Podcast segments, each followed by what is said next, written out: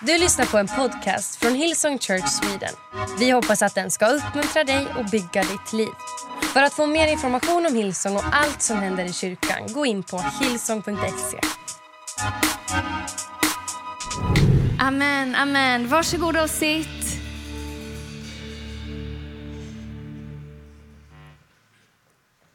Ibland så är det bra att, för mig att bli påmind, men också för alla att få se hur mycket barn och ungdomar och hur mycket människor som har fått sitt liv förvandlade i vår kyrka. Det är helt fantastiskt. Och som jag sa lite där, att eh, varenda ungdom som döper sig, eller varenda person som döper sig, det är ett mirakel. Jag känner till Ebbas story, jag känner till de andra story. Det är, det är helt otroligt. Eh, det är fantastiskt att vi att få en del av det, helt enkelt. Så eh, om du vill idag, om du inte tog med ditt kuvert förra veckan, Heart the House-kuvertet, så får du jättegärna ta med det idag. Det finns ett brev där i från Andreas och, och, du kan ta med det hem och be över på vilket sätt, eh, fråga Gud på vilket sätt du ska vara med i årets Heart the House. Men nu ska vi predika, eller jag ska predika och ni ska hjälpa till, okej? Okay? Södra, jag litar på att ni hjälper mig. Ni hjälper mig att predika, eller hur? Tack, bra, underbart. Eh, vi kör va? Det har varit så mycket prat, vi kör på en gång. Okej, okay, min predikan heter Dags att skifta atmosfären. Med ett utropstecken också. Hallå, då vet man liksom. Dags att skifta atmosfären. Jag ska börja med att läsa från Domarboken. Domarboken? Ja, idag går vi till Domarboken. Vet du vart det ligger? Ganska i början av Bibeln. Man skulle kunna sammanfatta Domarboken så här att alla gjorde vad de själva tyckte var bäst och det gick inte så bra. Men lite då och då så vände sig folk till Gud och då gick det bättre kan man säga. Men i Domarboken kapitel 4 och från vers 1 så ska jag läsa nio versar. Klarar ni det? Ni kan vara med och läsa där, ni kan vara med och läsa er bibel från vers 1 till 9. Efter Ehuds död gjorde Israels folk på nytt det som var ont i Herrens ögon. Och därför lät Herren dem hamna i kung Javins händer som regerade i Hassor i Kanan. I Hasor i Kanan. Högste befälhavare för hans här var Sisera som bodde i Hareshkot Hagojim. Väldigt mycket tungotal här på morgonen. Okej, okay, Sisera hade 900 stridsvagnar av järn och han gjorde livet outhärdligt för Israel i 20 år. Det är länge. Israeliterna ropade då till Herren efter 20 år. Ibland alltså. Varför tar det sån tid för oss innan vi börjar ropa efter Herren? Varför går vi bara runt? Ja, i alla fall, jag ska inte... Eh, nu, fokusera Lina, läs klart här. Israels domare vid det tillfället var Debora, Lapidots hustru, en profetissa. Hon brukade sitta vid Debora-palmen mellan Rama och Betel i Efraims bergslandskap. Så dit kom, hon var alltså en ledare för folket, dit kom israeliterna för att få hjälp att lösa sina tvister. En dag kallade hon till sig Avinoams son Barak från Kedesh i Naftali och sa till honom, Herren, Israels Gud, befaller dig att mobilisera 10 000 man från Naftalis och Sebulons stammar. Ni ska bege er till berget Tabor. Jag ska dra Javins här med alla dess stridsvagnar, fienden alltså, under Ciceras befäl mot dig i Kishtonbäcken, där du ska besegra dem. Ja, jag ska göra det, men bara om du följer med, för utan dig går jag inte, sa Barak till henne. Det ska jag göra, svarade hon. Jag ska gå med dig, men du kommer inte att få någon ära av ditt sätt att agera. Herren ska ge i en kvinnas hand. Debora följde då med Barak till Kedesh. Har du läst det? Det kanske är någon som var första gången i domarboken. Låt mig berätta, låt mig måla upp den här bilden. Så två, för 200 år sedan när det här hände så föll Jerikos murar. Kanske har du hört om det när Israel tågade Gud, tog Israels folk ut ur Egypten genom öknen till löfteslandet. Till det där landet där de skulle få leva i frihet. De skulle få, det är ett land som flöt av mjölk och honung. Det var, vad betyder det? det var liksom, de skulle ha allt de behövde där helt enkelt. Och första liksom, porten in i det löfteslandet, Kanans land, det var Jeriko. Och Jeriko hade fallit genom ett helt mirakel. Alltså de hade så höga murar så det var helt ogenomträngligt. Men Gud, bara Gud, gjorde så att murarna rasade och Israels folk kunde inta stan. Och efter det kunde de gå in i löfteslandet och fortsätta liksom vidare till de andra städerna. Så för 200 år sedan så hade, hade Jeriko legat, eller 200 år hade Jeriko legat i ruiner. Men sen hade folk glömt bort Gud. De hade vänt sig bort från honom och Gud hade lämnat dem åt sig själva, vilket gjorde att fienden kunde komma och förtrycka dem. Och nu hade de levt under förtryck i 20 år. Alltså eh, i en situation av rädsla, hopplöshet, eh, missmod. Hur många här är 20 år eller yngre? Jag ska inte ta fram er. Ja, det är några stycken. Så hela ert liv så hade det varit riktigt kass. Ni visste inget annat än hopplöshet. Ni visste inget annat än att det inte fanns någon framtid. Ni visste inget annat än att ni, inte liksom, eh, att ni bara behövde leva under rädsla. Men tänk, de levde fortfarande i löfteslandet. De levde på den platsen som Gud hade gett dem. Men på något sätt så hade de liksom förlorat, eh, de hade vänt sig bort från Gud. Så det jag funderar över först, eller det jag slås av är att vi kan inte leva på gamla segrar. Det spelar ingen roll vad som hände i det förflutna. Och du och jag i vårt liv kanske spelar ingen roll vad som hände för tio år sedan. Det spelar ingen roll vad som hände, vad Gud gjorde då. Om vi inte fortsätter leva tillsammans med honom och i honom så är det liksom vi behöver varje dag leva i, i, i, en seger. Så kanske lever du i ditt löftesland idag, men det känns verkligen inte som ett löftesland. Kanske är det ett äktenskap som var ett sånt bönesvar. Kanske är det en arbetsplats, ett jobb som var ett sånt bönesvar. Du kände att Gud bara ledde dig in i det. Det var helt fantastiskt. Men nu så så har liksom, åren har gått och du har låtit fienden råna dig på allt ditt hopp, all din, all, alla dina välsignelser. Och det enda du gör är som israeliterna, du går till Gud för att han ska avgöra mellan dina, era tvister.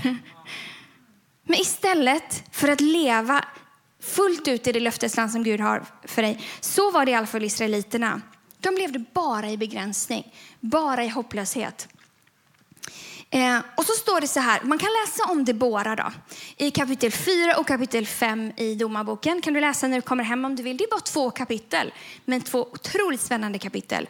Det står så här i Domarboken 5, vers 7. Israel saknade ledare tills Debora trädde fram. Tills hon blev en mor för Israel. Och I The Message så står det så här. Ibland är det kul att kolla på andra översättningar för att man får en annan bild.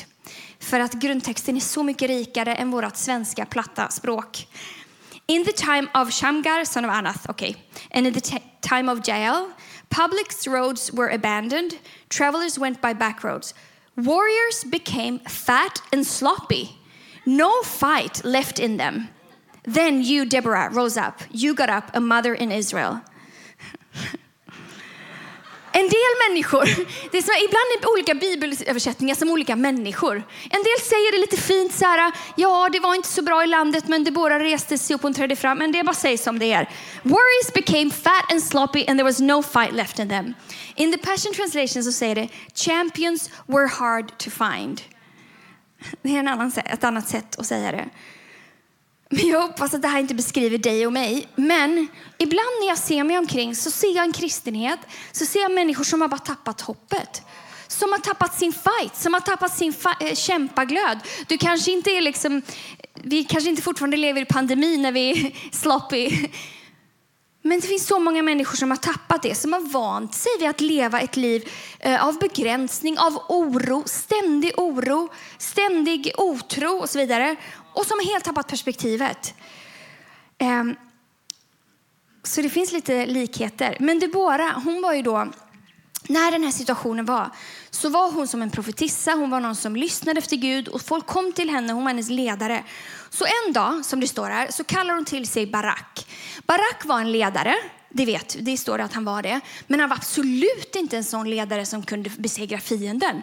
Han hade liksom bara 10, 10 000 man och de hade knappt några spjut eller någonting. Alltså det var liksom, han var en liten ledare. Men tack vare att Debora bara talade in i honom, hon sa så här, har inte Gud sagt, för det, på en annan översättning står det så har inte Gud sagt, du ska, du ska samla de här 10 000 männen, du ska gå mot fienden och du ska besegra fienden.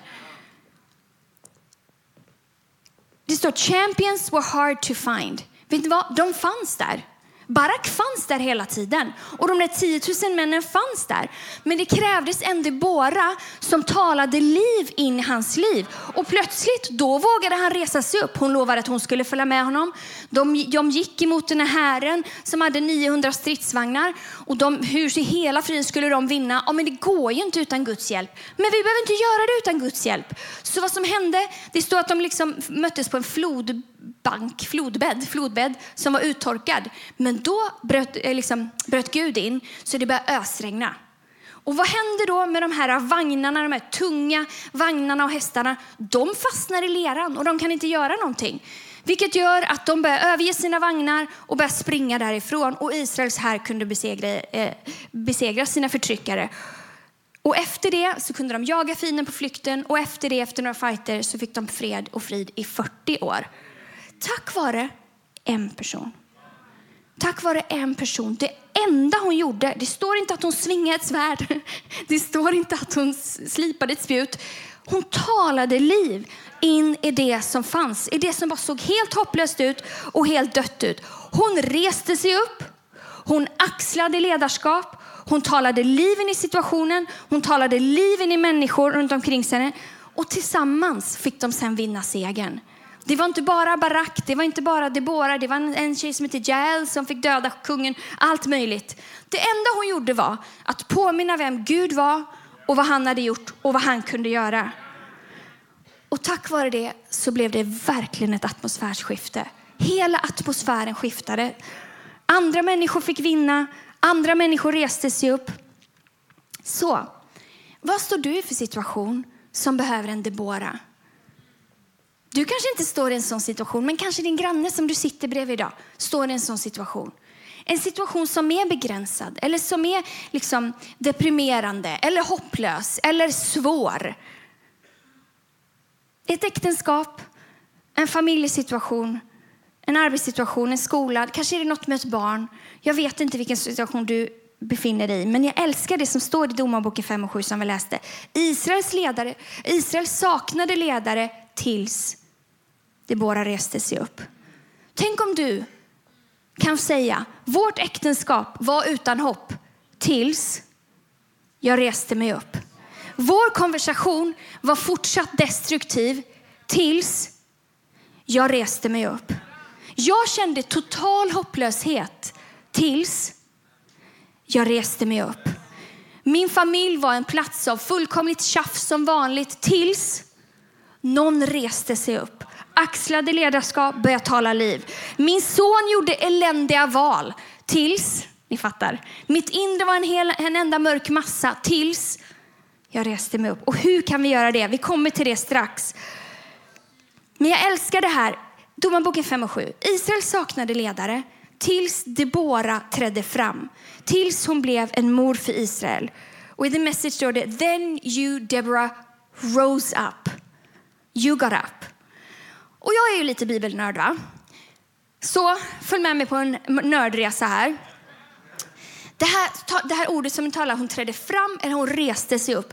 Då plötsligt när man tittar i grundtexten kan man hitta det på massa andra ställen. Eh, det står i Domarboken 5 och 12. Vakna Debora, vakna och sjung. Stå upp Barak, du Avinoams son, för bort dina, dina fångar. Vakna, sjung! Kanske jag får vara Debora idag. Vakna och sjung, kom igen, res dig upp. Du har det i dig. Jag ska berätta alldeles strax vad det är. Det är inte genom egen kraft, det är genom något annat. Men det här ordet resas upp, det hittar vi någon annanstans i Bibeln. I Jesaja kapitel 60, vers 1 som jag tror är ett ord, ett profetiskt ord till vår kyrka, till oss som individer och till oss som gemenskap. Vi har läst det många gånger förut. Res dig upp, låt ditt ljus lysa. Ditt ljus har kommit och Herrens härlighet går upp över dig. Mörker täcker sannerligen jorden. Töcken omger sannerligen folken. Men över dig ska Herren stråla, över dig ska hans härlighet visa sig. Folken ska vandra i ditt ljus och kunga mot glansen av din soluppgång. Res dig, res dig. Det här ordet, det heter kom. Okay? Det finns hebreiska, heter samma sak på er arameiska, för de är väldigt mycket släkt de språken. Vill ni ha ett exempel på när Jesus använde samma ord? Tack för att ni ville det på min högra flank. För den vänstra flanken ska få det också. Okej. Okay. I Markus kapitel 5 och vers 38 så är ännu en omöjlig situation. Men där Jesus väljer att tala ord av liv. Han säger res dig upp. Okej. Okay. När de kom fram till synagogföreståndarens hem såg Jesus en upprörd skara som grät och klagade högljutt. Och han gick in till dem och sa till dem, varför gråter ni så upprörda?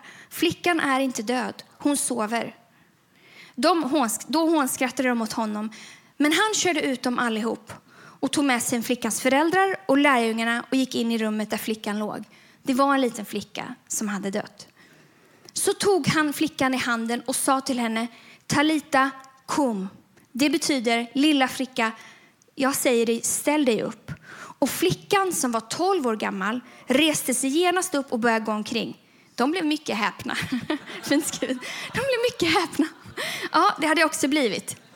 Så samma Gud som talade genom Debora och hon reste sig upp och Barak reste sig upp. Samma Gud som talar genom Jesaja som säger res dig upp och stråla. Samma Gud som talade till den döda flickan res dig upp. Han är här idag. Och han säger till dig och mig res dig upp. Res dig upp och tala liv in i det som är dött. Res dig upp och tala hopp in i hopplösa situationer. Res dig upp och tala tro där det inte finns just nu. För vet du vad, din och min omgivning hänger på det. Men hur kunde hon göra det? Hur kunde Debora resa sig upp i en tid som var så hopplös? Alltså leva i någonting under 20 år, jag vet. Det är liksom, då har man ju mer än en vana kan man säga. Då vet man ju inget annat. Man vet, det är liksom, hur kan man ens... Man bara är helt van. Man är van över att saker är på ett särskilt sätt. Man är van att det är en särskild jargong. Kanske ni har varit gifta i 20 år. Hur lätt är det att ändra konversationen då? Och så vidare. Men hur kunde hon göra det? För det krävdes mod, det krävdes tro, det krävdes ledarskap, det krävdes kärlek. Hur kunde hon göra det? Jag hittade tre saker. Det första är, hon positionerade sig. För det står så här, att Debora, och liksom man bara kan läsa förbi så här och så vet, tänker man, oh, det är massa geografiska punkter. Men det står att hon satt vid en palm mellan Rama och Betel, vid berget Efraim. Så den här platsen där hon positionerade sig på, för det första så är det bara några kilometer från Jeriko. Och Jeriko var en stor stad som var i ruiner. Men sådana ruiner försvinner inte hur enkelt som helst. Så hon var på en plats där hon ständigt blev påmind om vad Gud hade gjort förut. Hon positionerade sig så att hon kunde till och med gå till Jeriko och se Gud är stor. Hon positionerade sig på en plats där hon kunde vara påminna om det. Men hon satt också mellan Rama och Betel. Och Rama betyder high place, alltså en hög plats. Och Betel betyder Guds hus. Ja, det blir lite bibelskola här idag. Om du, bara, om du snurrar i ditt huvud, håll fast. Ta fram en fidget toy och börja leka med den. Jag vet inte, ska vi dela ut det kanske nästa? Ja. Så hon var på en plats där hon var nära Guds hus och en hög plats. Hon positionerade sig varje dag nära Gud. En hög plats, det kan vara som det står i psalm 61 när David säger För mig upp på klippan till en plats som är högre än jag. Det är den platsen, en högre plats. En plats, eh, faktiskt jag, vi hade connect-grupp här för några veck, eh, någon vecka sedan bara. Och då var det någon som bad, vi bad för varandra, det gör vi på connect-grupper, eller hur? Bästa, bästa, älskar connect. Och då var det några vänner som bad för mig och då bara kände jag hur Gud så här, drog mig upp på en högre plats. Och jag, kom, liksom, jag fick plötsligt perspektiv, jag fylldes av tro, jag fylldes, jag fylldes av eh, vision. Den platsen, en sån plats finns för dig och mig. Men vi behöver också positionera oss nära kyrkan. Och det är, jag kan ju tala till rummet, jag kan tala till er också online. Låt oss positionera oss på en plats nära Gud. För vet du vad? Fienden vill så gärna ta oss från vår position. För när vi förlorar vår position, då glömmer vi vår identitet och vi glömmer var varför vi är här. Vi glömmer vår auktoritet, vi förlorar den. Så vart har du positionerat dig någonstans? Har det bara liksom råkat bli som det blir? Har du bara tagit, liksom, låter du livet bara leda dig och bara dra dig från, liksom, föra dig från sak till sak? Eller väljer du att positionera dig varje dag någonstans nära kyrkan. Vet du vad? Vi behöver kyrkan. Och jag vet, I'm preaching to the choir, för vi är här. Men vi behöver positionera oss på en plats där vi kan vara fulla av, av där vi kan bli fulla av Guds ord och hans uppenbarelse och så vidare, hans närvaro. I Connect-gruppen, på söndagar, i en gemenskap, någonstans nära honom. För vet du vad, när vi är nära Gud, då smittar han av sig på oss. Så hur, hur kunde Debora vara så full av tro? Men hon var ju nära Gud. Det är omöjligt att vara nära Gud utan att det, att det gnuggar av sig. När Mose var nära Gud, då bara sken hans ansikte så mycket. Bara genom att han hade varit nära honom. Och vet du vad, när du och jag är nära Jesus, när vi tar tid tillsammans med honom, det gnuggar av sig på oss. Det är som att folk märker det. Så det handlar inte om att vi ska, nu ska jag tala tro, jag tror inte på det själv. Utan det handlar om att, vara, att positionera oss på en plats där han kan fylla oss med kraft och tro och så vidare. Okej. Okay. Nummer två. Hon tränade sina andliga ögon. För vet du vad? Deborah såg någonting som andra inte såg. Det fanns ledare där, men det var ingen som såg dem. Det fanns hopp där, men det var ingen annan som såg det. För i det mänskliga, jag vet, i det mänskliga så ser vi kanske inte det. Det är omöjligt för människor, men det är möjligt för Gud. Så hur tränar man sina andliga ögon? Hur, gör, hur liksom låter man det som är andligt styra över det som man ser som är mänskligt? Eh, man ber Gud om hjälp, helt enkelt. Man ber Gud om hjälp. Det finns tillfälle i, i, eh, i eh, Andra Kungaboken 6, vi kommer inte ta upp det här, men där Elisa är i en stad med sin tjänare. Det har kommit massa, en hel armé och döda honom för att han har liksom gjort saker. Eh, han har eh, tagit sig an massa profeter liksom, som hörde till en annan, eh, en annan gud. Eh, och, nu är de lite, och han också han såg till att Israel vann hela tiden genom att han typ så gav dem... Eh, Gud berättade för honom vart, Israels, eller vart fienden skulle slå. Och så sa han det till Israels armé. Sen berättade Gud för vad, vad de skulle göra. Så de var väldigt arga på honom i alla fall. Så de omringade hela staden där han var. Och hans, hans, eh, hans tjänare blev ju jätterädd för de vaknade på morgonen och man bara ser en hel armé runt sig. Jag vet inte hur du känner dig på morgonen, men har du vaknat med en hel armé runt dig? Har du inte gjort det än så... Du kanske bara ser lite trött ut. Men de hade en hel armé runt sig. Men då ber Elisa så här, Gud, jag ber att du ska öppna hans ögon så att han ser. Och plötsligt så öppnades tjänarens ögon och då såg han att det fanns inte bara en armé av människor som var emot dem, utan det fanns en eld, eldsarmé av änglar innanför som beskyddade dem ifrån armén. Och det var det som hände också. Så vi kan se det som är i det, eh, är det, som är det andliga. Så gör du det? Be till Gud. Gud, jag ber att du ska hjälpa mig. Eh, ta bort det som skymmer sikten. Häromdagen körde jag in till stan, eh, som vi har vårt kontor där. Eh, jag fick liksom en ludd i ögat. Tänk vad lite ludd kan störa. Det var så att jag blev en trafikfara på en gång. Ibland har vi saker som gör att vi inte ser klart. Det kan vara saker som har hänt, det kan vara liksom en form av filter som gör att du bestämmer oss för att se saker på ett särskilt sätt. Då kan vi bara behöva be Gud, Gud vad är det som gör att jag inte ser klart? Vad är det som gör att jag bara ser liksom det här hela tiden? Be Gud om hjälp så gör han det. Men vi kan också behöva så stänga av alla andra ljud för att faktiskt hjälpa honom, eller att han ska hjälpa oss eh, att öppna våra ögon. Ta bort det som skymmer. Identifiera, så ibland kan det också vara så här, hmm, vad ser jag på? Vart fäster jag min blick någonstans? Eh, vad är det som gör att jag faktiskt inte, så här, när jag går till jobbet på morgonen, känner att jag vill tala tro? Kanske har vi fäst vår blick på fel sak. Så eh, det är bara att be Gud om hjälp. Positionera sig på en plats där man kan be Gud om hjälp att öppna och träna sina andliga ögon. För vet du vad, i din situation kanske har du som sagt ett äktenskap. Det är bara tjafs. Han bara kass. Han hjälper aldrig till med något. Liksom, det är bara negativt tjat hela tiden. Vem ska hämta barnen? Vem ska lämna barnen? Nu är du för sen igen. Nu hjälper du inte till igen. Bla, bla, bla, bla, bla.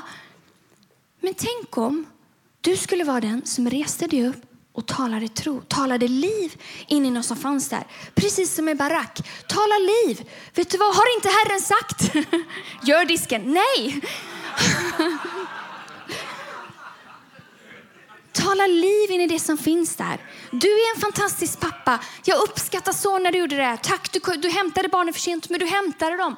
Tack för att du gjorde det. Tala liv in i det som finns där och se att det blir ett atmosfärsskifte. I Jesu namn. Träna dina andliga ögon att se. Du kanske tycker att någon är fat och sloppy. Men se det som inte man kan se med sina eh, mänskliga ögon. Okej. Okay. Så hon tränade sina andliga ögon. Men en tredje sak som hon gjorde var att hon lyssnade först och talade sen.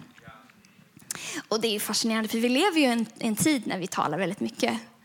Aldrig har det varit så viktigt att uttrycka sin åsikt, eller hur? Aldrig har vi trott så mycket att folk så gärna vill höra vad vi har att säga om saker. Vad vi tycker om en bild, eller vad vi tycker om en situation, eller vad viktigt är att vi skriver vår lilla kommentar eller säger vad vi tycker. Det är bara hon var annorlunda. Hon lyssnade först och talade sen. Och Det står inte hur hon blev ledare. Så förmodligen så var det något som växte fram. Hon började någonstans.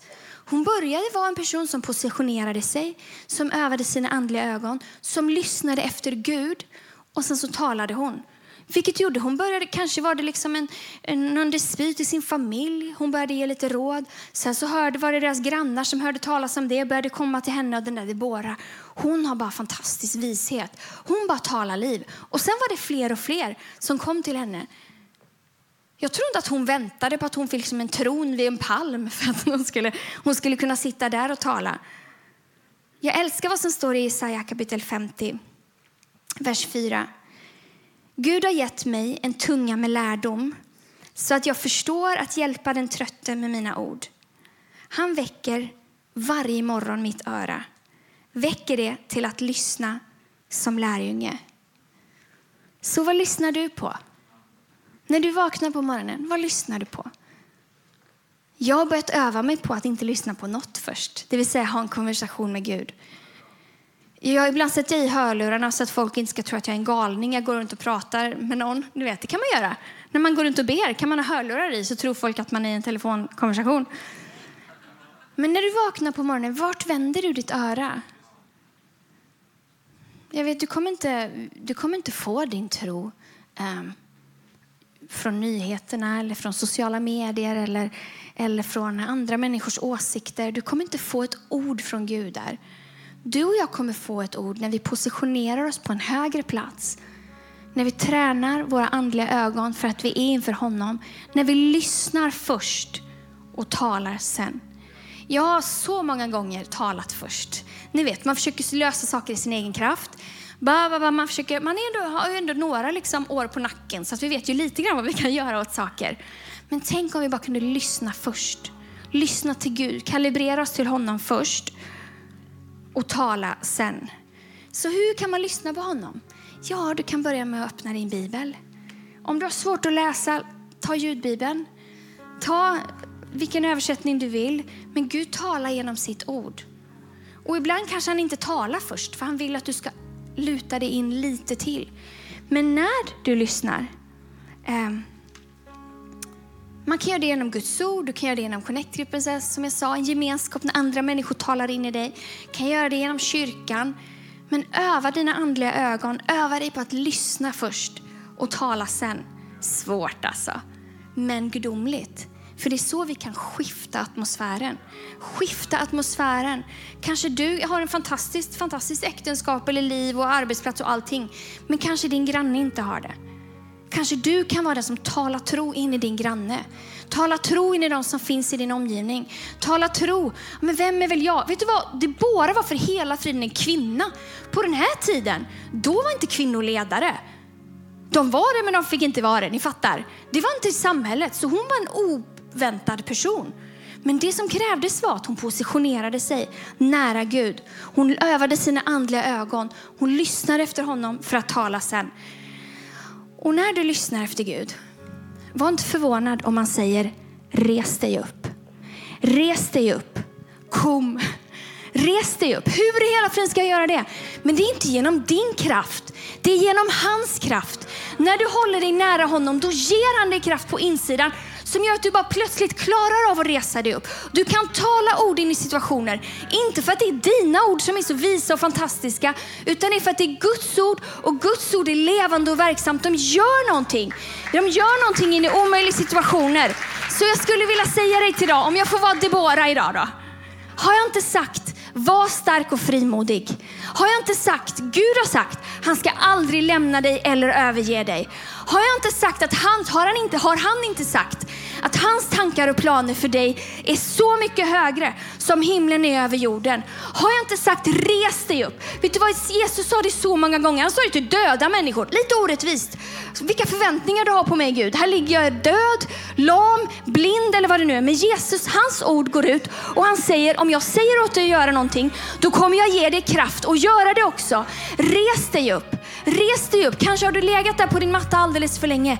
Res dig upp. Han kallar dig till att tala ord in i, in i o, omöjliga situationer, till att skifta atmosfären. Skifta atmosfären på din arbetsplats, skifta atmosfären i din skolklass, skifta atmosfären i din, i din, i din familj, i din relation med dina barn, med dina föräldrar, vad det än är. Så jag, jag vill säga igen, Domarboken 5 och 12. Vakna Debora, sjung! Vakna Barak, res dig upp! För bort dina fångar. För det vet vad som hände. Det var så här att kapitel 4 i Domarboken, då beskrivs det lite vad som hände. Kapitel 5 är bara en hel sång. När Dubora reser sig upp och Barak, de kör en duett. De reser sig upp och börjar berätta för folk vem Gud är. De reser sig upp och talar liv. De säger så här, vet du vad som hände? Det här gjorde Gud. Gud räddade oss. När det var omöjligt så gjorde han det helt möjligt. Som Simon sa, när vi inte hade några pengar så försörjde han oss. När jag var sjuk gjorde han mig frisk. De talar liv, de berättar vem Gud är. Och det var säkert, det var många människor som fortfarande behövde det där. Så jag skulle vilja uppmuntra dig idag och utmana dig idag. Lovsångarna är här. Ni undrar varför kommer de? Jo, för att de är Debora här idag. Okej? Okay? Och vi tillsammans kan i lovsången alldeles strax tala liv in i olika situationer. Kanske behöver du tala liv in i din situation, i ditt inre. Kanske är det här som du behöver ett ord av liv. Kanske är det här som det är hopplöst, mörkt. Det har varit så här i 20 år. Jag har haft den här ätstörningen så länge. Det är helt omöjligt. Det som är omöjligt för människor är möjligt för Gud.